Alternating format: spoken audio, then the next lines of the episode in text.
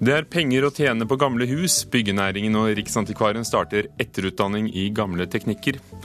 Norsk vinner av Edvard Grieg pianokonkurranse håper prisen gjør at han kan bli mer kjent i hjembyen Bergen. Ny sjefredaktør for Kostum tar over Motebladet, som får kritikk for sammenblanding av vennetjenester og journalistikk, og hun kommer hit til Kulturnytt i Nyhetsmorgen. Hvor vi også anmelder utstillingen med en av Norges mest kjente motedesignere, Julie Skarland, som åpnet denne helgen. Byggenæringen har fått opp øynene for at det er mye penger å tjene på å sette i stand gamle hus. Markedet utgjør rundt 70 milliarder kroner i året, ifølge næringen selv, men det mangler flere tusen håndverkere med kunnskap om gamle byggeteknikker. Nå har byggebransjen sammen med Riksantikvaren laget et nytt studium for å utdanne håndverkere. Den er tapper. Den lager hull til takk.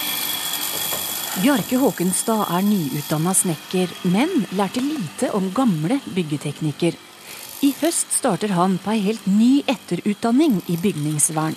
Og om ett år vil han være skolert for å restaurere freda og verna hus. Det er, det er, det er stas å få, få prøvd, prøvd, seg på det. Næringa trenger tusenvis av slike som han. Vi har en stor jobb å gjøre. Vi må brette opp ermene, få tak i flinke folk og gi dem en etterutdanning. Sier Jørgen Legård i Byggenæringens Landsforening. Den nyutdanna snekkeren lar seg fascinere av gamle bygninger, som vi har funnet på museet i Hamar. Ja, det gjør det. Det er jo artig å se at hus fra 1700-tallet fremdeles står. Det finnes rundt 65 000 freda eller verneverdige bygninger i landet. I tillegg er det registrert over 350 000 hus bygget før 1900. De færreste står på museum. De aller fleste er i privat eie, og restaurering og rehabilitering av slike bygninger utgjør et marked på 70 milliarder kroner årlig. I det daglige så er, det jo, er jo oppussing og istandsetting en sak mellom huseier og håndverker. Og Da er det viktig, tror vi, at håndverkeren er, vet hva det er snakk om, kjenner bygningen, kjenner bygningskonstruksjoner og byggeteknikk, og kan gi de riktige rådene og gjøre de riktige jobbene på husene. Sier Harald Ibenholt hos Riksantikvaren. Det er de som betaler for studiet de neste to åra. 1,4 millioner kroner. Fordi at vi ser Det som, altså det er særdeles viktig. Det er viktig å få i gang dette her, og det har man snakket om i mange år. Så Derfor så spytter Riksantikvaren i kassa. Legård er òg opptatt av at det er kvalitet på arbeidskrafta. Det som vi har manglet, er en formell eh, utdanning. Slik at en, en som har et svennebrev som maler eller tømrer eller murer, kan formelt bygge på sitt svennebrev, og det er det vi eh, får til nå. Bjarke har lært de moderne byggeteknikkene, men syns de fort kan bli litt kjedelige. Helt klart. Jeg tror det. Det er ny lærdom om, om faget. Da. Det er jo det er, det er spennende. Altså, Istedenfor bare å stå der time ut og time inn og, og snekrere lister i kilometervis. Han er en av 15 som starter på studiet for snekkere og tømrere som nylig ble godkjent av NOKUT. Fagskolen i Innlandet er arrangør, og studiested er Røros, der museet stiller med lærekrefter. Men forfallet blant freda og verneverdige bygninger er stort. Vil da dette monne noe særlig? Nei, altså Det ligger jo i saken at i og med at det er et pilotprosjekt, så er det jo er det de første som prøves nå. Dette her må vokse og bre seg ut over hele landet, egentlig. Så vår visjon er jo at, at dette skal bli et fagskoletilbud på mange steder i Norge. Det er det som er planen, og, og, og så fort vi nå har fått satt i gang dette, så starter vi på det videre arbeidet. Og reporter her var Torunn Myhre. Generalsekretær i Fortidsminneforeningen, Ola Fjellheim. Hva er det håndverkere ikke kan lenger? Altså det, det, er jo mye av de grunnleggende teknikkene som ligger i det å jobbe på et eldre hus. Og så er det også altså bygningsfysikken og statikken, hvordan de gamle husene fungerer. Det, det de lærer på den vanlige fagutdanningen i dag, er, er på en måte mye mer innrettet mot det moderne byggeriet. Hus bygd før ja, hva skal vi si, 1950. De fungerer helt annerledes. Og hvis man reparerer feil eller bygger om feil, så Ok, Så tar man vekk mye av måte, de historiske verdiene i huset, men man øker også risikoen veldig for skader på huset. Hva tror du om en etterutdannelse som den som kommer i stand på Gjøvik? Det er, det er, veldig bra, og det er, det er, bra de kommer i gang med dette tilbudet. Det er påkrevd, og vi trenger mange flere håndverkere som kan jobbe med disse eldre husene. Det er jo Det er 270 000 boliger fra før 1950 bl.a. Så um, det er et stort marked, og det er mange ting man må ta tak i. Og kunnskapen er ikke der, så den må de få seg. Bransjen selv snakker altså om et tall på 70 milliarder kroner i året for uh, oppussing, restaurering, istandsettelse av gamle hus. For det dere er opptatt av, er at det er ikke bare snakk om de fredede husene? Nei, altså vi, eh, Fortidsminneforeningen er veldig opptatt av at vi skal ta vare på bredden av, eh, av bygningskulturen i, eh, i, landet. Vi er jo opptatt av det som en sånn kulturhistorisk perspektiv, men det er også viktig fordi det representerer en veldig stor verdi. Det er jo den bygde eh, altså Bygningsformuen vår er like stor som oljeformuen, så det er klart vi må forvalte den også godt. og Det, ja, det er også en del av temaet. Men hvor går balansen mellom eh, ønsket om å tilpasse bygninger til ny smak, nye krav til eh, brannsikkerhet eh, og, og, hva vi liker i dag. Eh, og, og ønsket om å bevare noe gjort på en original måte. Vi har erfaring for at det meste er mulig, men det kreves i tillegg til altså kunnskap om tradisjonsbyggeriet og tradisjonell byggeteknikk. Man må også ha kunnskap om hvordan man kan endre, sånn at man ikke ødelegger det bestående, og sånn at man ikke lager ja, dårlige løsninger da, som, som, gir skader og sånne ting. Så F.eks. dette her med, med branndører, som er et tema i Oslo, så ser vi at det er fullt mulig å utbedre de gamle dørene, sånn at de fortsatt veldig godt fungerer, tilfredsstiller brannkravene, fremfor å skifte. Og Det er jo en løsning som vi mener er den riktige, er å utbedre de gamle. Men samtidig handler det vel også om et syn på fortiden, for hus har jo alltid blitt bygd om med den til enhver tid gjeldende smak og teknikk. Hvorfor skal vi gå tilbake i dag? Det er jo sånn at eh, Byggematerialene vi bruker i dag, eh, nesten alle av de er jo funnet opp etter 1950. Og veldig mange av de har vi kanskje ikke mer erfaring med enn ti år. Og veldig mange av de fungerer veldig dårlig sammen med den gamle bygningene, den gamle bygningsfysikken. Det er én ting. Og den andre er jo at eh, vi ønsker jo Vi ser jo da at de, der hvor man tar vare på eh, det som er bygd inn i huset fra før, så ser jeg at det er ofte løsningen som står seg over tid. Det blir mye mer varig. Så det de gjorde før 1950, det var uansett mer i pakt med hva huset tålte? Ja, det var det så absolutt. Fordi det var rett og slett en annen byggeteknikk og helt andre håndverksteknikker som lå til grunn. Regjeringen har altså en plan om å istandsette 3000 fredede bygninger eh, i privat eie innen 2020. Fins det nok eh, håndverkere eh, med den kunnskapen som trengs for å nå målet, tror du? Altså, nå har ikke regjeringen lagt inn i statsbudsjettet de pengene som skal til for å nå det målet. Så det er klart at uh, Det er jo heller ikke realistisk ut fra det perspektivet. Men nei, vi mangler håndverkere. Vi må ha mer håndverkere som kan håndtere de gamle husene. Og da hjelper det ikke bare med å lære opp 15 tømmere i gamle byggeskikker over to år? Det er en start, eh, og det er viktig at de 15 reiser ut og sprer eh, kunnskapen videre. Så eh, det er i hvert fall en positiv begynnelse. Takk skal du ha, Olaf Fjellheim, generalsekretær i Fortidsminneforeningen.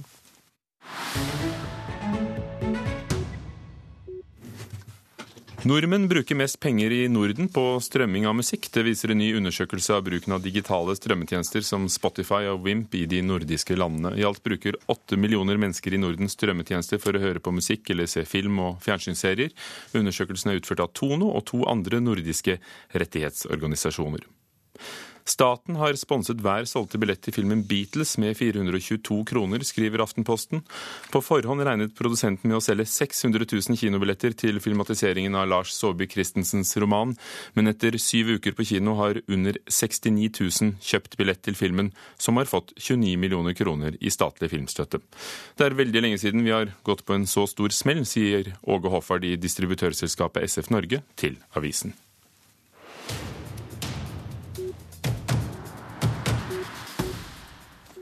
Det vi skal høre nå, er spillet som vant eh, den store pianokonkurransen i Bergen i helgen, og det er Joakim Karr som er på tangentene.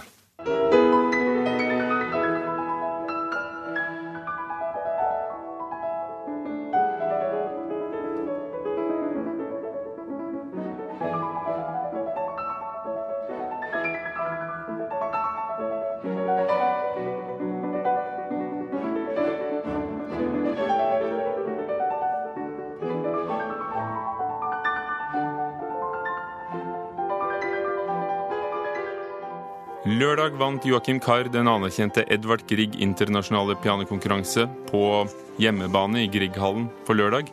Med sin tolkning av Robert Schumanns klaverkonsert i A-moll tok den 26 år gamle nordmannen førsteplassen foran 101 pianister. Og juryformannen Einar Steen Nøkleberg, selv kjent pianist, overrakte prisen. Det er en som har gjort rent bord i kveld. Og det er førstepris 30 000 euro, masse ære og masse konserter til Joakim Carr. Det ble hjemmeseier for bergenserne i Grieghallen på lørdag. Da ble deres egen 26 år gamle Joakim Carr best i Edvard Grieg internasjonale pianokonkurranse. Men det ble ikke mye tid til å feire, fortalte han til NRK i går. Jeg dro noen timer etter finalen, faktisk. Klokken fem om morgenen uh, sto jeg opp og tok et fly til Stuttgart, og der jeg nå skal spille en konsert i kveld. Så det, det har jeg nesten ikke hatt tid til å fordøye noe særlig inntrykk. Og, men det begynner å synke litt inn.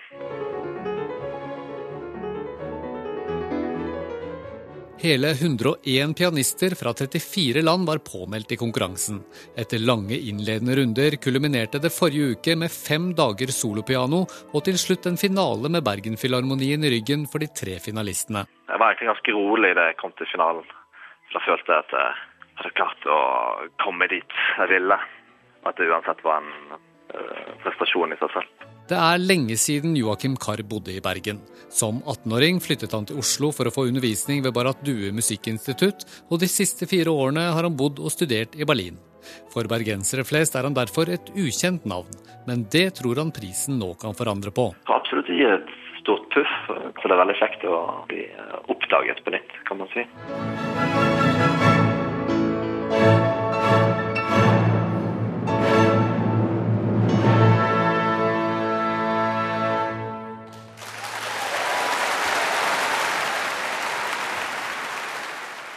Applaus i Grieghallen for Joakim Carr, som ble intervjuet av reporter Petter Sommer, og som altså vant førsteprisen på rundt 250 000 kroner, og avtale om plateutgivelse. Julie Skarland tilhørte en avantgarde av designere i Paris på 80- og 90-tallet, og etter tiden med eget atelier har hun flyttet til India, og derfor heter utstillingen med hennes livsverk hittil Julie Skarland Paris, New Delhi, Oslo. Denne uken åpnet den på Kunstindustrimuseet i Oslo, altså på lørdag. Mona Palli Bjerke, for de som ikke hørte Julie Skarland her i Kulturnytt på fredag, kan du begynne med å si litt hvilken posisjon hun har? Jo, dette er en av våre fremste motedesignere. Men hun er jo også en, en designer som befinner seg i grenseland mellom fashion og kunst. Og hun, det, det, nyskapende hos Julie Skarland, det er sjelden snittene, men veldig ofte materialmøtene. Og den typiske Skarland-kjolen, det er jo en kjole med strikket, flatt, tettsittende liv, og med et uh, tyllskjørt i klokkeform med stor vidde. Det er liksom den typiske elegante varianten. Hva viser de på utstillingen? Vi blir jo, blir jo, tatt med på denne reisen gjennom hennes karriere. Hun er jo 54 år nå, så hun er jo fremdeles midt i livet, kan man si. Men vi drar da fra den avantgarde-motescenen i Paris og til denne overgangen til hennes liv i New Delhi, og da frem mot samtiden hvor hun nå er veldig mye mer inn i kunstens verden, kan man si. Mer og mer skaper unika kjoler eller antrekk. Kjoler som bare er på en måte et kunstverk. Og mange av dem kan ikke engang brukes, for de er for skjøre. Og hun er jo, et annet signaturtrekk ved Skalaen er jo disse fantastiske broderiene hennes. Og nå har, jo, har jo de også løsrevet seg fra plagg og blitt mer til bilder på vegg. For Hun sa selv i intervjuet her på fredag at hun beveger seg mer og mer over til å lage nettopp kunst, og, og bort ifra det med mote, selv om det aldri har vært snakk om noen masseproduksjon eller den type fashionindustri. Men hvor går grensen? Nei, altså det er jo eh, hele tiden, altså Hun beveger seg hele tiden i dette grenselandet, men hun har jo hele tiden referanse eh, eller til, til, antrekket, til kjolen, veldig ofte som et utgangspunkt. Men at man kan mer si at det er en bærbar type kunst, hvor hun skaper nå eh, mer sånn skulpturaktige antrekk som du enten kan se på eller også bruke, men kanskje mange av dem da kan, kanskje bare kan brukes én gang. Eh, hun har jo da skapt eh, kjoler som Hun er veldig opptatt av gjenbruk, som skaper kjoler. F.eks. er det en som har da Pers Buch-skulderstykke, eller bærestykke. Eh, og så er altså resten, tatt fra en gammel ja, Pers Buch-kjole? genser Og så er det en bole, altså et, eh, det som er rundt livet, fra en gammel mønstret strikkegenser som søsteren hennes eh, påbegynte som liten. Og så har hun påmontert da et hvitt tyllskjørt. Og dette blir jo da en kjole som også er full av fortellinger, både med referanser til motehistorien, da med Pers Buch, men også også til hennes egen eh, biografi. Og så har hun i tillegg da brodert på skjørtet eh, med tråd eh, blomster. Så det er en veldig sånn rik og refer referanserikdom i disse visuelle fortellingene som hennes klær er. Og så er det noen herreklær?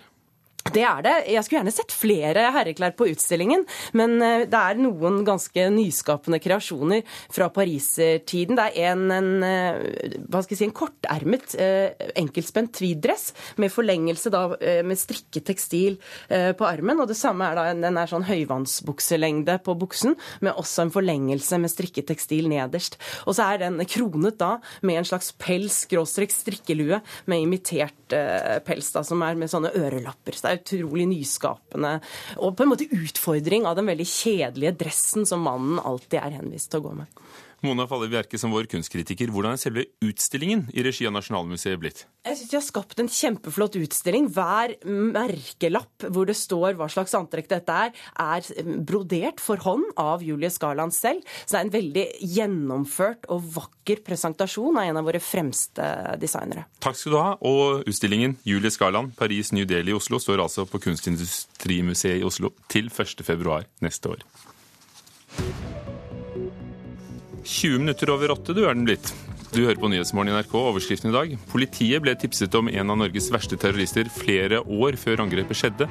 PST fikk opplysninger om mannen som var med på å drepe 60 mennesker i Kenya fem og et halvt år før terrorangrepet.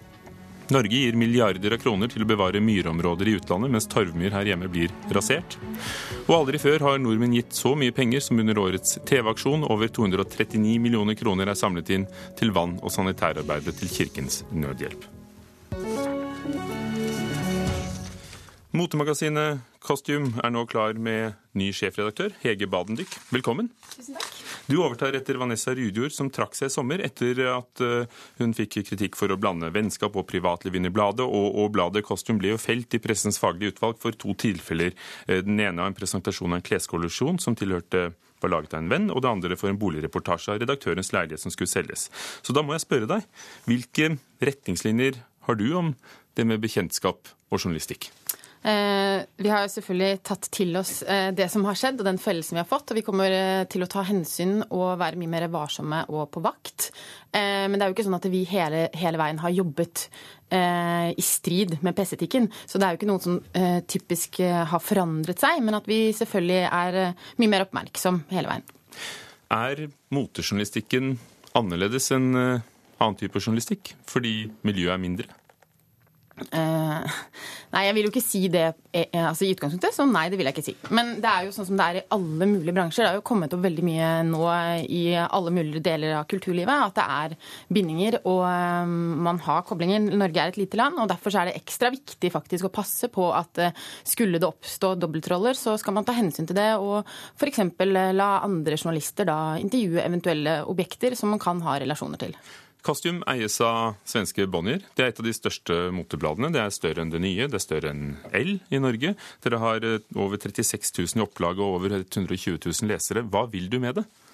Jeg vil formidle entusiasmen, gleden, lidenskapen eh, som fins der ute. Og vise leserne våre hvordan de selv kan bruke noe av det som skjer på catwalken og i motebildet. Vi vil på en måte være litt bestevenninna di, som kan gi deg de gode rådene oss imellom. Og samtidig gjenspeile og, og videreformidle hva som skjer der ute. Altså alt til å intervjue store designere, til å trekke eh, linjer og tråder tilbake til historiske hendelser. Eh, og også um, kanskje ikle noen store kjendiser en litt annen drakt enn det de er vant til å se. Fordi de som regel stiller opp og sier ja hos oss, for de føler seg i trygge hender. Så ja. Du har jo vært moteredaktør i, i Costume en god stund, og har, vi har hørt deg her i Kulturnytt snakke om uh, mote også. Hva er spesielt med hva dere gjør i forhold til andre? Vi er jo uh, nisjeblad. Det er vel kanskje det som er hovedsakelig forskjellen. Vi holder kun på med mote. Vi pålegger oss ikke å kunne noe annet om, om så mye annet. Altså, vi snakker ikke om forhold, vi skriver ikke om mat. Vi forholder oss ene og alene til, til det faget vi kan, da, og det vi, men, det vi, mener vi er best på. Hvor mye betyr det som skjer på catwalken og motemessene i Paris, New York, Milano og London for de klærne vi kan kjøpe i butikken? Det betyr masse. Og Derfor er det veldig fint og gøy å kunne videreformidle og guide folk flest på gata om hva de kanskje bør kjøpe, hva som kan være lurt å kjøpe, hva, øh, og også gi de inspirasjon til å kanskje oppdage noe helt nytt. Eller finne nye uttrykk eller nye fargepaletter eller, eller uttrykk som de kanskje ikke har brukt øh, tidligere. Du har gjort noe nytt i dag, for i dag kommer eh, din første utgave som sjefredaktør eh, i hyllene. Og du debuterer med den sudanesisk-norske modellen Sonja Wanda på forsiden. Og det er veldig sjelden det er en svart modell på forsiden av, av moteblader, ikke bare i Norge, men i Vesten. Hvorfor er det sånn, og hva er tanken din med å gjøre det? Tanken min er eh, rett og slett at jeg eh, har hatt lyst til å jobbe med Sonja Wanda lenge. Hun eh, stilte opp for Stella-magasinet for en tid tilbake, det er kanskje noen år siden nå, under Anja Stang, som gjorde en kjempefin motereportasje.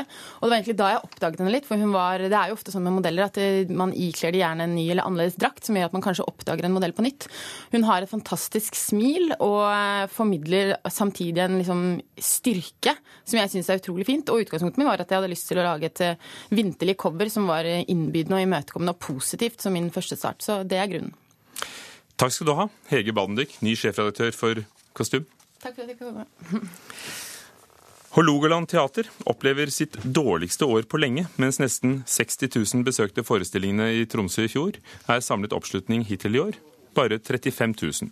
Siden høstens storsatsing Kong Ler ble tatt av plakaten lenge før planlagt, blir nye forestillinger nå satt opp i håp om å vinne publikum tilbake. Å drive med teater er risikosport, sier teatersjef Nina Wester. Nå er det sånn at det å drive med teater er jo risikosport. Sånn at vi liksom vet jo at eh, det er ikke en sikkerstekk at publikum kommer alltid. Jævla hekse! Kong Ler i Christian Figenschous skikkelse kan gjerne rope ut, for nå er det litt krisestemning ved Hålogaland teater. Ja, hva som nøyaktig kommer til å skje, det vil dere se når verden står i brann!